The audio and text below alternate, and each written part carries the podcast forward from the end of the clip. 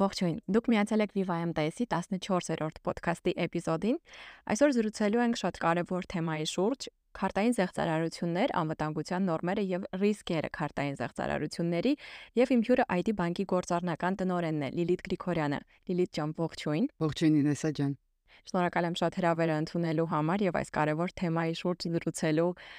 նախաձեռնությանը կողմ լինելու համար։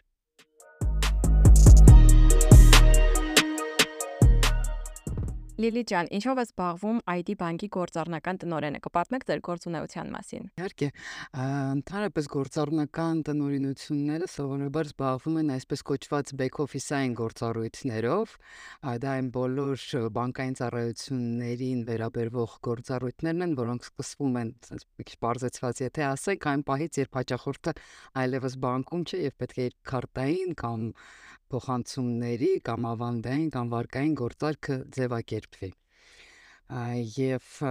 դա աշխատանքի հիմնական մասն է երկրորդ կարևոր կոմպոնենտը այդ բոլոր աշխատանքների թվայնացման քարտեզ ունենալը եւ իրագործելը եւ ինիցիատիվա անելն է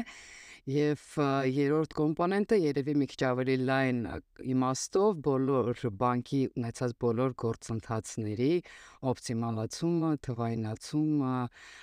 կարգավորումը, բարձեցումը։ Ինչպես կգնահատեք անկանխիկ վճարումների ոլորտի զարգացման աստիճանը Հայաստանում։ Թանուր առմամբ կարելի ասել, որ կեսկատակ կես լուրջ 2020 թվականի կ ូវ իդը շատ մեծ դեր ունեցավ անկանխիկի եւ քարտային ոլորտի զարգացման համար եւ Հայաստանում եւ նաեւ ամբողջ աշխարհում 20 թվականի սկզբներին առաջին անգամ անկանխիկ գործարքների քանակը երկրում գերազանցեց կանխիկ գործարքների քանակին, սա ոնց որ քարտային ոլորտի մասնագետների երկար տարիների երազանքներ եւ այս ամբողջ հերահար իրավիճակը դրան նպաստեց, մարդիկ սկսեցին ավելի շատ on-line գնումներ կատարել, պատվիրել ապրանքներ, խուսափել կանխիկից ինչ որ առումով, որտեղ որ դա հնարավոր էր։ Եվ այս վերջի 3 տարիներին կարելի է ասել, որ զարգացումները շատ ավելի արագ են գնացել, որովհետև եւ օրենսդրական փոփոխություններ են եղել, եւ ենթակառուցվածքներն են զարգացել, դուրում օրենսդրական փոփոխությունները երկու էլեմենտ են ունեցել եւ պետությունը պարտադրել է, որ շատ շատ շատ վճարումներ այսուհետ արվեն անկանխիկ քարտերի միջոցով, մյուս կողմից պարտադրել է, որպեսի վճարումները կանխիկ դաշտից դուրս գան եւ այդ ուղությունը եւս խթանել է իհարկե անկախիկի զարգացումը այսօր ունենք պատկեր երբ որ անկախիկ գործառնությունների ծավալի արդեն 53% քարտային գործարքների ծավալի 53%-ը անկախիկ է իսկ քանակի դեպքում ընդհանրապես շատ մեծ ցուցանիշ է 87%-ի կարգի Այ հետաքրքիր էր, որ ասեցիք պետության մակարդակի վրա կարգավորվում է հենց անկանխիկ գործարքների մեծացումը, հա, թվի։ Ես մի հարց ունեմ։ Օրինակ, ես շատ եմ բախվել, հատկապես մի քանի բժշկական հաստատություններում բացառապես չեն կատարում կանխիկ գործարքներ։ Սա տվյալ բուժ հաստատության, հա, որոշումն է, թե կարգավորվում է պետության մակարդակով այսա այն օրենսդրական նախաձեռնություններից մեկն է, որը վերջին տարիներին կենտրոնական բանկը կառավարությունը համատեղ նախագծերի շրջանակներում իրականացրել են եւ նպատակը հենց այն էր որ մի քանի ոլորտներ ընտրվեն որտեղ առաջնային փորձենք կանխիկը վերացնել եւ առողջապահությունը դրանցից ամենակարևորներից էր երևի այդ առումով այսօր ունենք դեռ որոշակի լծակ չանելու անկանխիկ գործարք հանդիպած կլինեք տերմինալներին, որոնք տեղադրված են այդ բուժհաստատությունների մեծ մասում, ու փոքրերում դա դժվար է կազմակերպել, բայց համեմատաբար մեծերում կա տերմինալ, այսինքն դու այդ պահին թեկուզ եւ կանխիկ ունենալով միջնորդված ոչ անկանխիկ գործարք ես իրականացնում, բայց դա եւս որոշ ժամանակ հետո դեռ դժվար է ասել ամսաթիվ, բայց հերանեկարում մոտ հեռանկարում դա եւ այլևս չի լինելու եւ բոլոր վճարումները իրականացվելու են անկանխիկով այստեղ իրականում ես էլ վերջերս օգտվում էի եւ հասկացա որ շատ ավելի արագ ու པարզ ու հեշտ է ամեն ինչ քան կանխիկի դեպքում էր եւ իրականում ոչ այդ հերթերը կար ոչ այդ դժգոհության ալիքը կա, այսինքն իրականում այսօր մեր մոտ եթե նայում ենք 3 տարի հետ պատկերին 40%-ով ավելացել է ընդհանրապես քարտերի քանակը երկրում սա նշանակում է, այսինքն մոտ 3-4 միլիոն քարտ կա Հայաստանում ահռելի մեծ թիվ է։ Իսկ այդ ստատիստիկան միջազգային մակարդակին էլ է համահունչ, թե կոնկրետ մենակ, չգիտեմ, տարածաշրջանային է Հայաստանում, քանի որ նորա վերջերս է սկսվել ավելի շատ այդ կանխիկից անկանխիկի անցումը շատ լավ հարց եք տալի։ Իրականում այս աճի տեմպը, որ մենք ունենք, ինքը միշտ է եղել շատ արագ, ուղղակի բազան, որից մենք սկսել ենք, շատ փոքր է եղել հիմա անկանխիկի աճի տեմպը այո արագացել է, այսինքն եթե նախորդ օրինակ 15 տարին ինքը այո աճում էր էլի լավ դինամիկայով, բայց այսպիսի կտրուկ աճեր մենք չենք ունեցել, այսինքն 3 տարում քարտերի քանակի 40%-ի աճ, սա իհարկե արդեն մեծ բազայի վրա բավականին զգալի շոշափելի է, արդեն նշանակում է, որ մեր հայրենակիցների շատ մեծ մասը բնական ունեն նաև մեկից ավել քարտեր,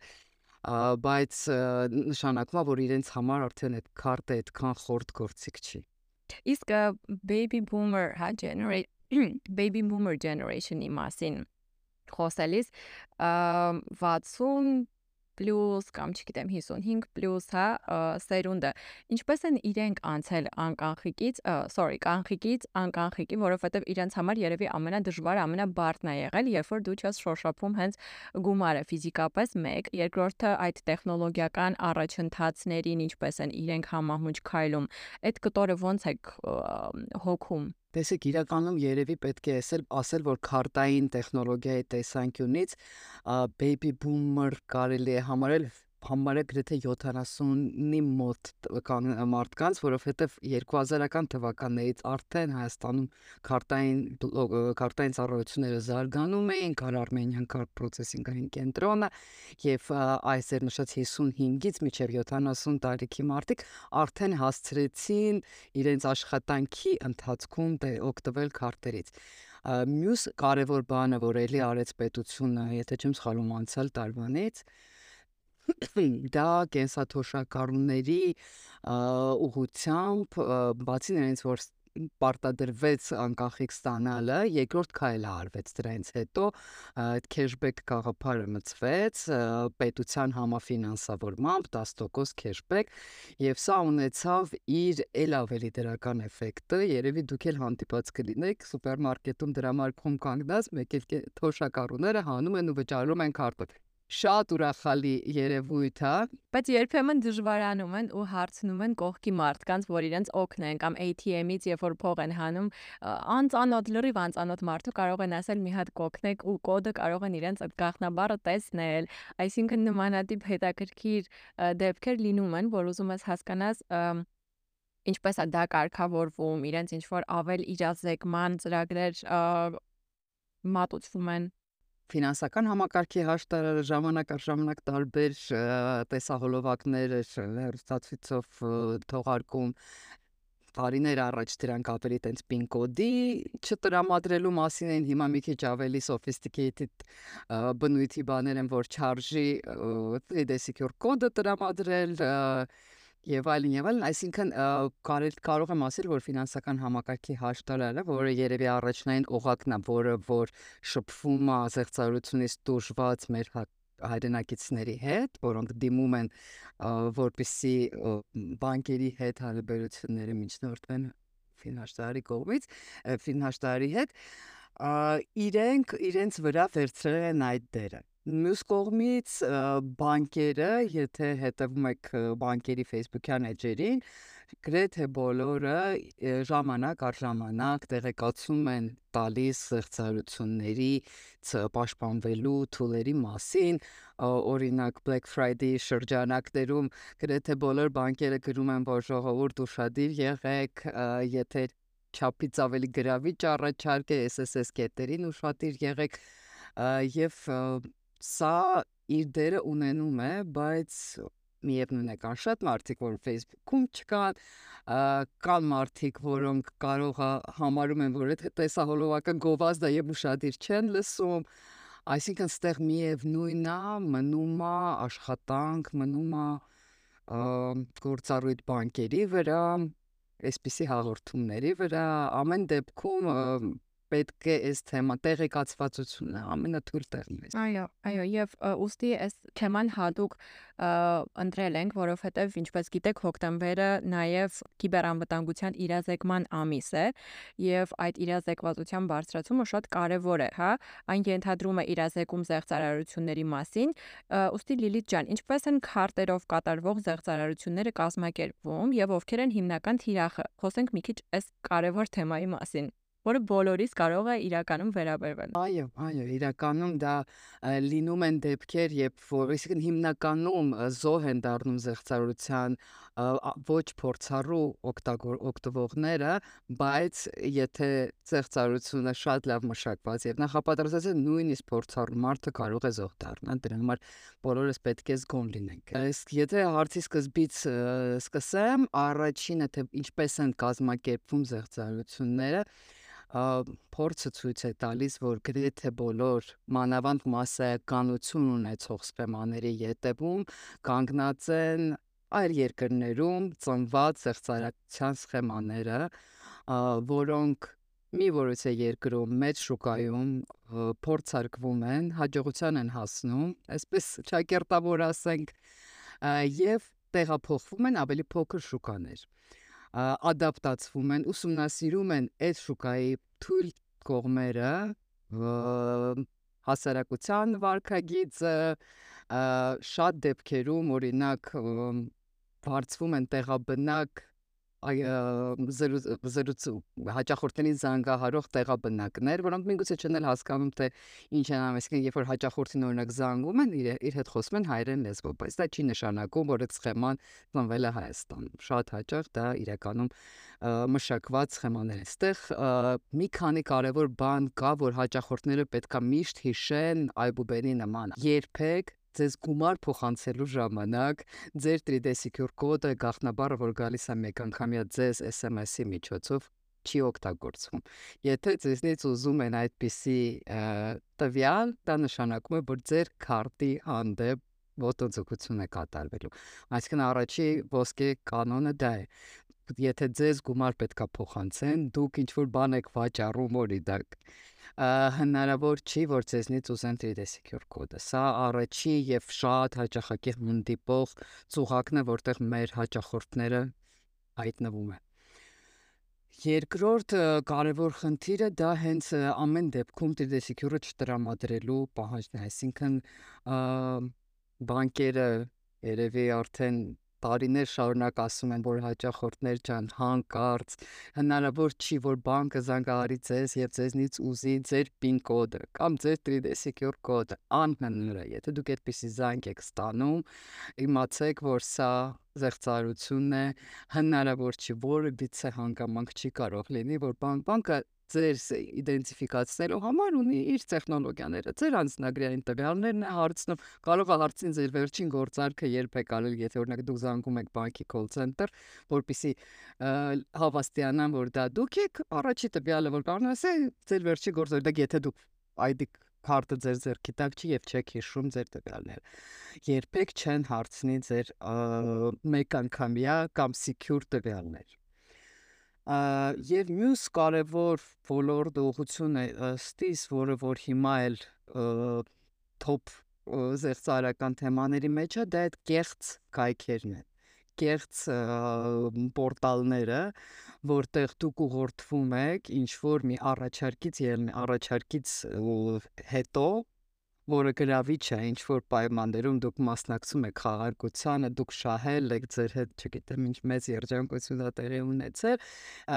եւ հայտնվում եք ձեզ համար ծանոթ որևիցե անկերության, անուններ չասեմ, որ տենց մի քիչ հակագովաց չստացվի, բայց massայական բնույթ ունեցող կայքեր են եւ ծառայություններ են եւ ընկերություններ են ընտրում շատ-շատ հաճախ եւ ասում են այստեղ տրամադրեք ձեր տվյալները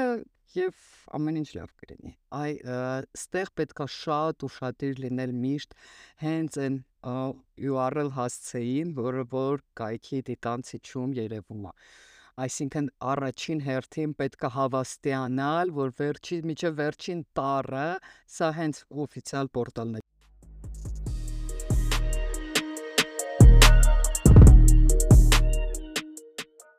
Հիմա էլի նոյեմբերին ելինելու Black Friday, ելինելու են բազմաթիվ թե առաջարկներ, տարբեր արտասահմանյան կայքերից կարող է Facebook-ում դա գովաստվի եւ այդ ամեն ինչը իր հետ վերում է բանկերի համար առաջինը մտավախություն, որ իրենց հաճախորդները, իրենց տվյալները կկոմպրոմայզ կան, այսինքն կհրապարակեն եւ դրանից հետո արդեն դա կարող է դառնալ, այսինքն ոչ բոլոր հաճախորդներն են օրինակ հետևում իրենց քաղաքացիներին, չէ, այսինքն այսպիսի բումերից հետո լինում են իրավիճակներ, երբ հաճախորդի քարտից մի քանի ամիս շարունակ գումար են գանձել ինչ որ մի կայքից, ինչ որ բարբերական սերվիսի համար, որը է եւ հաճախորդը մի քանի ամիս անց նոր նկատում է, որ վաու փոքր գումար կարող է լինի, որը որ իր ուշադրությունը չգրավի, չպահանջի դրտեսիկյուր հարցում եւ սա իր հետ արդեն բերում է հետևուց հետևանքներ, այսինքն շատ դեպքերում բողոքարկում անելու համար բանկի կողմից, այո, եթե գործարքը առանց դրտեսիկյուրա, բանկը ունի իրավունք դա բողոքարկելու, բայց եթե ժամանակ անցեր, օրինակ մի քանի ամիս, դա արդեն բանկը ոնց է կորցնում է այդ բողոքարկելու իրավունքը։ Գործարքները, որոնք որ անցում են 3D secure-ով, գրեթե հնարավոր չի բողոքարկել։ Եթե խոսքը գնում է առանց secure-ով օրինակ կատարված գործարքի մասին, որտեղ արդեն հայտնի է դարել քարտի համարը եւ գործողության ժամկետը, expiry date-ը, եւ օրինակ բարբերական կտրվածքով կանցումները, ամ դրանք այո, բանկը կարող է բողոքարկել հենց որ հաճախորդը ասի, որ ես չեմ կատարել այս գործարքը առաջինը ինչ բան կանում է բողոքարկում բայց պետքա ժամկետները անցած չեն, այսինքն երբ որ ձեր էլեկտրոնային փոստին բանկից ստանում եք քաղվածք, միշտ հետևեք, որտեղ միշտ չի որ դուք SMS եք ստանում, օրինակ կարող է նշել եք, որ 5000 դրամից բարձր գործարքի համար կստանամ SMS։ Եվ փոքր գումարներով կորուստը կարող եք չնկատել, այսինքն հաճախորդի դաշտում իրականում շատ մեծ է զգոնության ու պատասխանատվության կշիռ։ Այսինքն ինչ է ստացվում, եթե ժամկետը անցել է ու այլևս տվյալ զեղծարարությունը բողոքարկման ենթակա չի,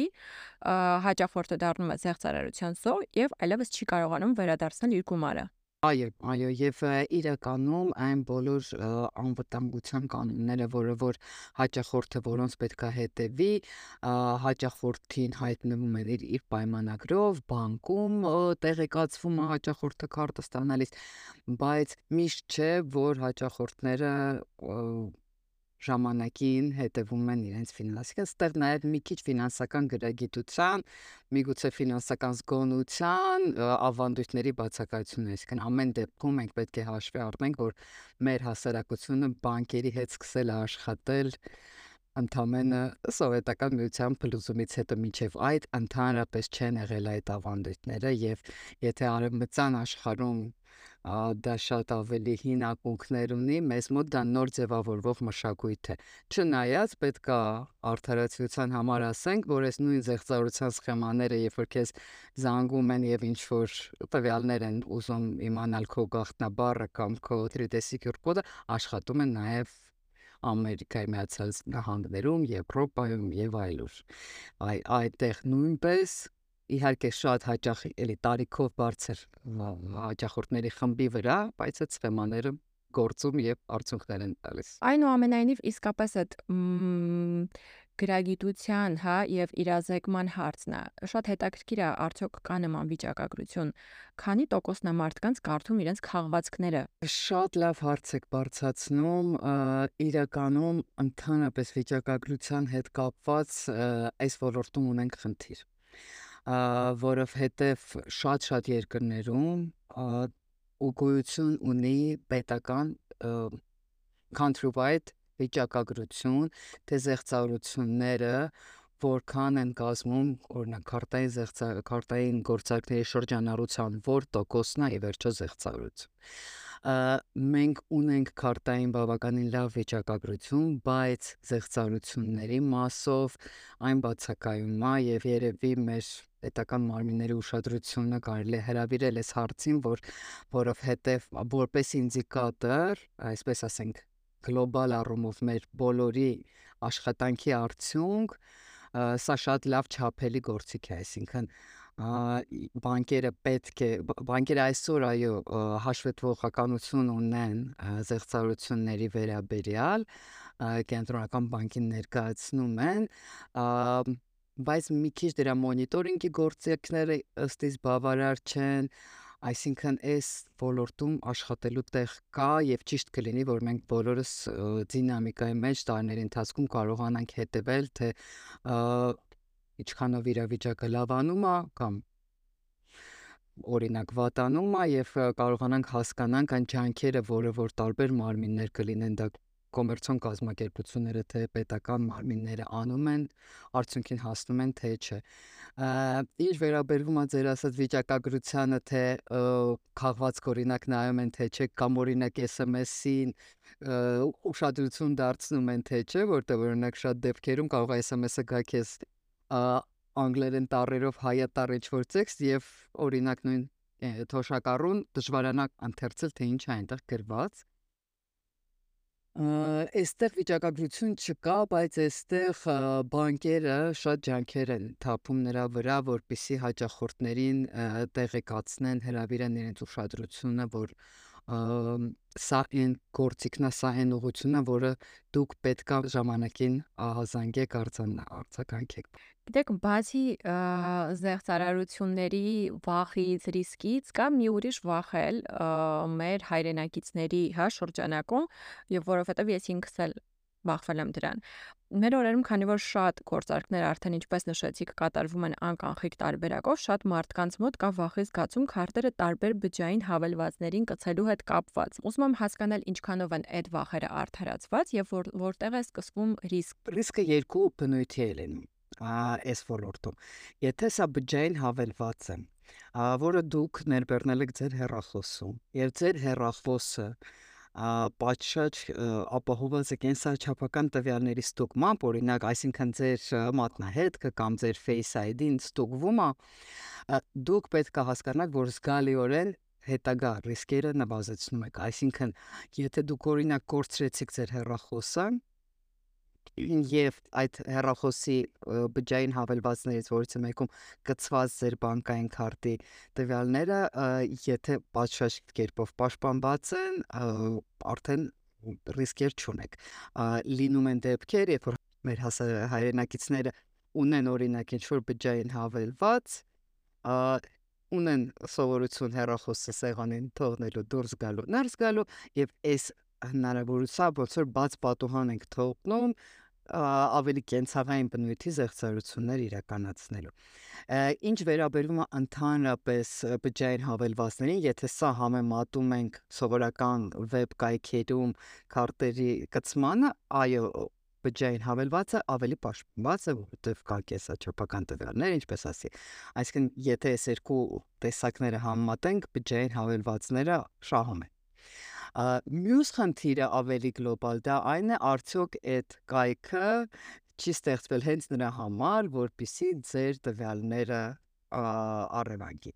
Եվ այստեղ խնդիրը էլի վերադառնում ենք մեր նախորդ քննարկմանը, որ պետքա ուշադիր լինել, թե սա ինչ կայք է, այսինքն եթե ձեզ համար լրիվ նոր կայք է,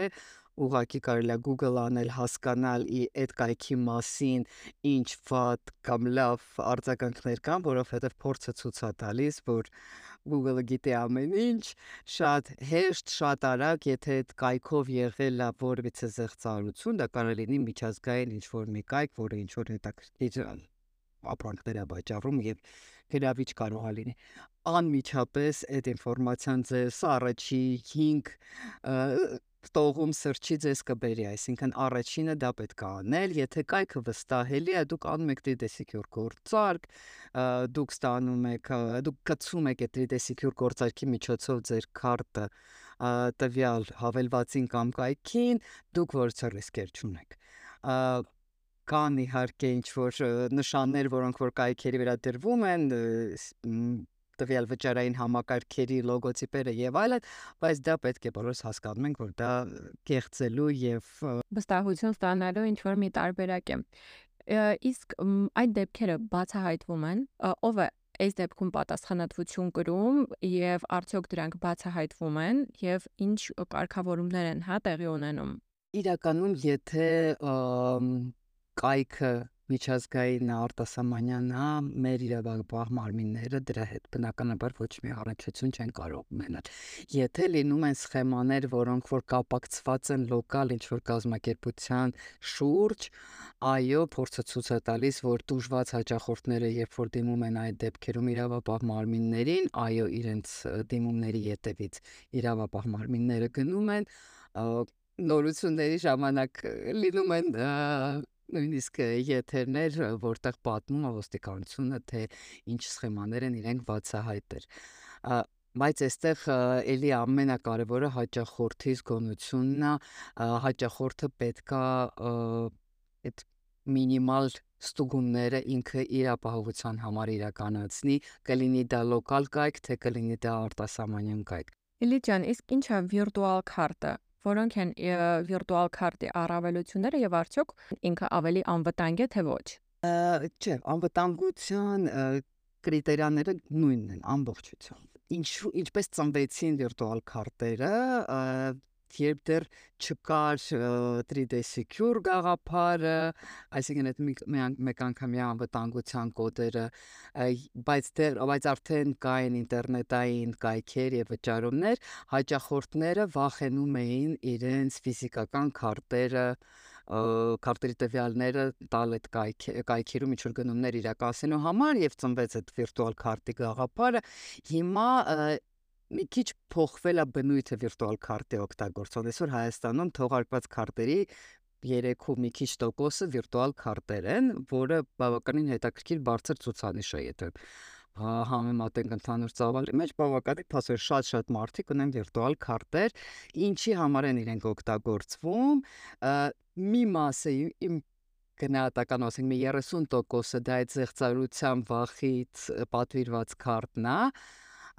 եւ այստեղ օրինակ են դեպքում, եթե դու ստուգեցիր կայքը, չկարողացար վերջնականապես հավաստիանալ, որ սա զեղծարար է թե չէ, բայց քեզ առաջարկը հետաքրքիր է, դու կարող ես գնալ քո բանկի հավելված, անմիջապես պատվիրել վիրտուալ քարտ, հենց այդ պահին փոխանցել գումար, օրինակ 10 դոլար, որը որ պատրաստ ես ծախսես, եւ հասկանալ, որ քո ռիսկը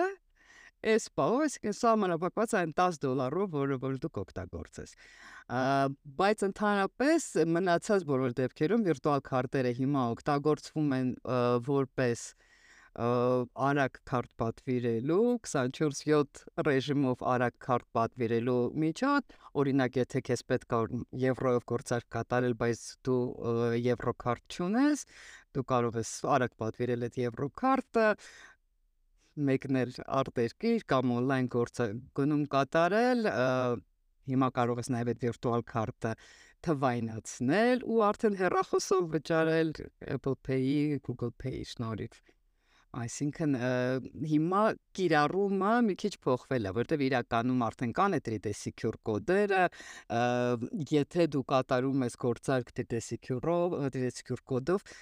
իրավունքները քո կողմն են եւ այդ ռիսկերը այդքան մեծ ու վախենալի չեն, ինչքան առաջ։ Իսկապես շատ-շատ ճիշտ է անվտանգության կանոնները հետևելը, որովհետեւ ինչ որ չափով դա գոնե ռիսկերն է քչացնում ու ինձ շատ հետաքրքիր է ես արդեն հասկացա, որ մի քիչ մենք ունենք մեր երկրում ֆինանսական գրագիտության խնդիր, որը պետք է լուծվի տարբեր, հա, այսպես ասած լծակների օգնությամբ, բայց կա ինչ որ վիճակագրական տվյալ, ինչքանով են մեր հայրենակիցները տեղեկացված ֆինանսական գործիքների, մասնավորապես քարտերով զեղծարարությունների ռիսկերի մասին, որովհետև եթե ես նույնիսկ ստանամ ինչ որ տեսնեմ ռիսկ կամ ինչ որ մեկը ինձանից ուզի գախնաբար, ես այդ պահին կարողա չհազանգեմ իմ բանկ ու հետեւաբար իմ բանկը արդեն տեղյակ չի լինում գոնե մի հաճախորդի, այսպես ասած, դեպքի մասին։ Ինչպես եք դուք այս տվյալները փորձում հավաքագրել, եթե ձեզ չեն ահազանգում։ Տեսեք, այն դեպքում, եթե ահազանգ չկա, իհարկե դա գրեթե անհնար է, սովորաբար բանկերը իրենց տեսա իրենց կողմում պետքա էլի զգոնություն ցուցաբերեն եւ եթե մի հաճախորդ թեկուզ եւ զանգել եւ ահա զանգել է ենթադրենք մենք ունենք հերոսային կենտրոնի կենտրոնի օպերատոր որը որ ստացավ այդ ահազանգը այդ աշխատակիցը իր տեղում եւս պետքա զգոն լինի հասկանալու որ այստեղ ինչ որ նոր սխեմա է որի մասին միգուցե արժի արագ տեղեկացնել տվյալ բանկի համապատասխան ստորաբաժանը, որը արդեն արագ միջոցներ կարող է ձեռնարկել որպես տեղեկացնելու մնացած հաճախորդներին, որ կանխելու այս ռիսկը, այսինքն կլինի շատ հաճախ, այո, առաջինը ահազանգում է այն հաճախորդը, որը տուժվեց, հասկացավ, որ ինքը ծուղակի մեջ է եւ զանգահարեց իր բանկ։ Առաջի շփման կետը սա է լինում եւ այս դեպքերում այո, հենց բանկի աշխատակիցը պետքա իր տեղում լինի իր դերը կատարի ճիշտ պատշաճ ձևով եւ այդ դեպքում գոնե ռիսկերը մնացած հաճախորդների համար նվազեցված կնեն, որտեղ բանկերը սովորաբար շատ արագ այդ դեպքերի մասին ահազանգում են, տեղեկացնում են հաճախորդներին, դա կարող է լինի ուղղակի mail-ով, որը որ massայաբար դու չտեսնես, բայց օրինակ կարող է push notification ուղարկեն կամ mail ուղարկեն հաճախորդներին ասեն, զգուշացեք, այսպիսի ռիսկ կա։ Իսկ սոցիալական մեդիայի միջոցով իդենտիֆիկացիա իրականացնում եք, օրինակ հաճախորդը Facebook-ով ձեզ գրի եւ արդեն դուք իրեն իդենտիֆիկացնեք իրականության մեջ շատ տեսակի սոցիալական կայքերի հետ ավտոմատացման գործարքները աշխատում են, տարբեր բանկերում տարբեր սկոպ կարող է դա լինի, մեր մոտ այո գրեթե բոլոր չենալների իդենտիֆիկացիայի աշխատում են եւ մենք կարողանում ենք հաճախորդների հետ շփվել, բայց բնականաբար նաեւ լրացուցիչ հարց ենք տալիս հավաստիանալու, որ դա մեր հաճախորդ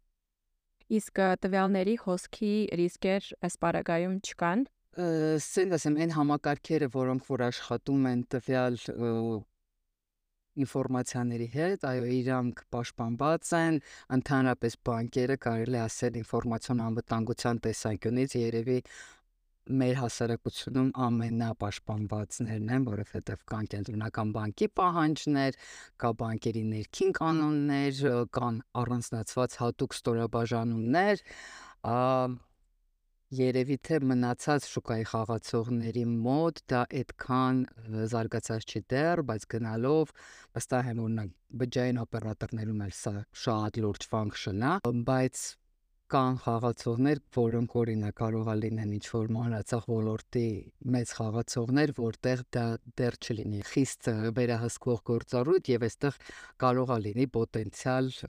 վտանգավոր կետեր։ Ինչ նախաձեռնություններ կան մարդկանց կրթելու, սովորեցնելու, թե ինչպես անվտանգ օգտվեն անկանխիկ գործարքներ կատարել կան այդպիսի ծրագրեր եւ ինչպես է համագործակցությունը արդեն երկրի մակարդակով, հա, արվում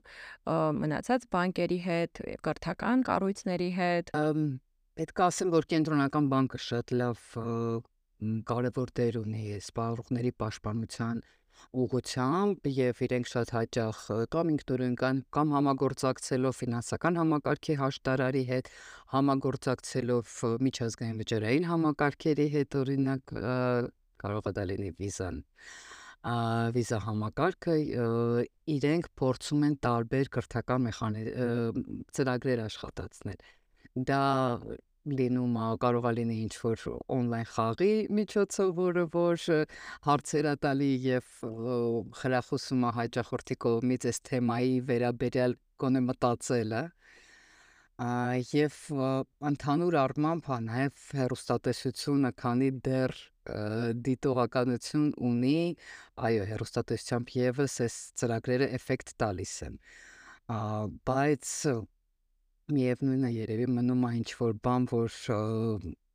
վերջնական պոտենցիալ զոհ հաճախ զոհ քարտապանին օրինակ չի հասել այդ ինֆորմացիան եւ ինքը խափնվում է ինչ որ մի իրավիճակում եւ չի կարողանում ճիշտ կողմնորոշվի կամ արագ կողմնորոշվի կամ ճիշտ որոշում կայացնի։ Շնորհակալ եմ շատ Լիլիթ ջան, շատ հետաքրքիր ու կարևոր զրույց էր ու շատ կարևոր ինֆորմացիա տեղեկություն կիսեցիք, հատկապես մոտենում է Black Friday-ը, Սև ուրբաթը, եւ մենք բոլորս պետք է շատ զգոն լինենք եւ շատ ուշադիր լինենք ու հետևենք այս բոլոր նորմերին ու կանոններին։ Շնորհակալություն ես հնարավորության համար։ Իրականում այո, շատ կարևոր հարցեր շոշափեցինք այսօր եւ մեր տնտեսության համար կարևոր հարցեր են դա անկանխիկ վճարումների ծավալի աճը եւ իհարկե յուրաքանչյուրիս վերաբերվող քարտային զեղծարությունների անվտանգության կանոնների մասին խոսեցինք, որը կարծում եմ օգտակար կլինի։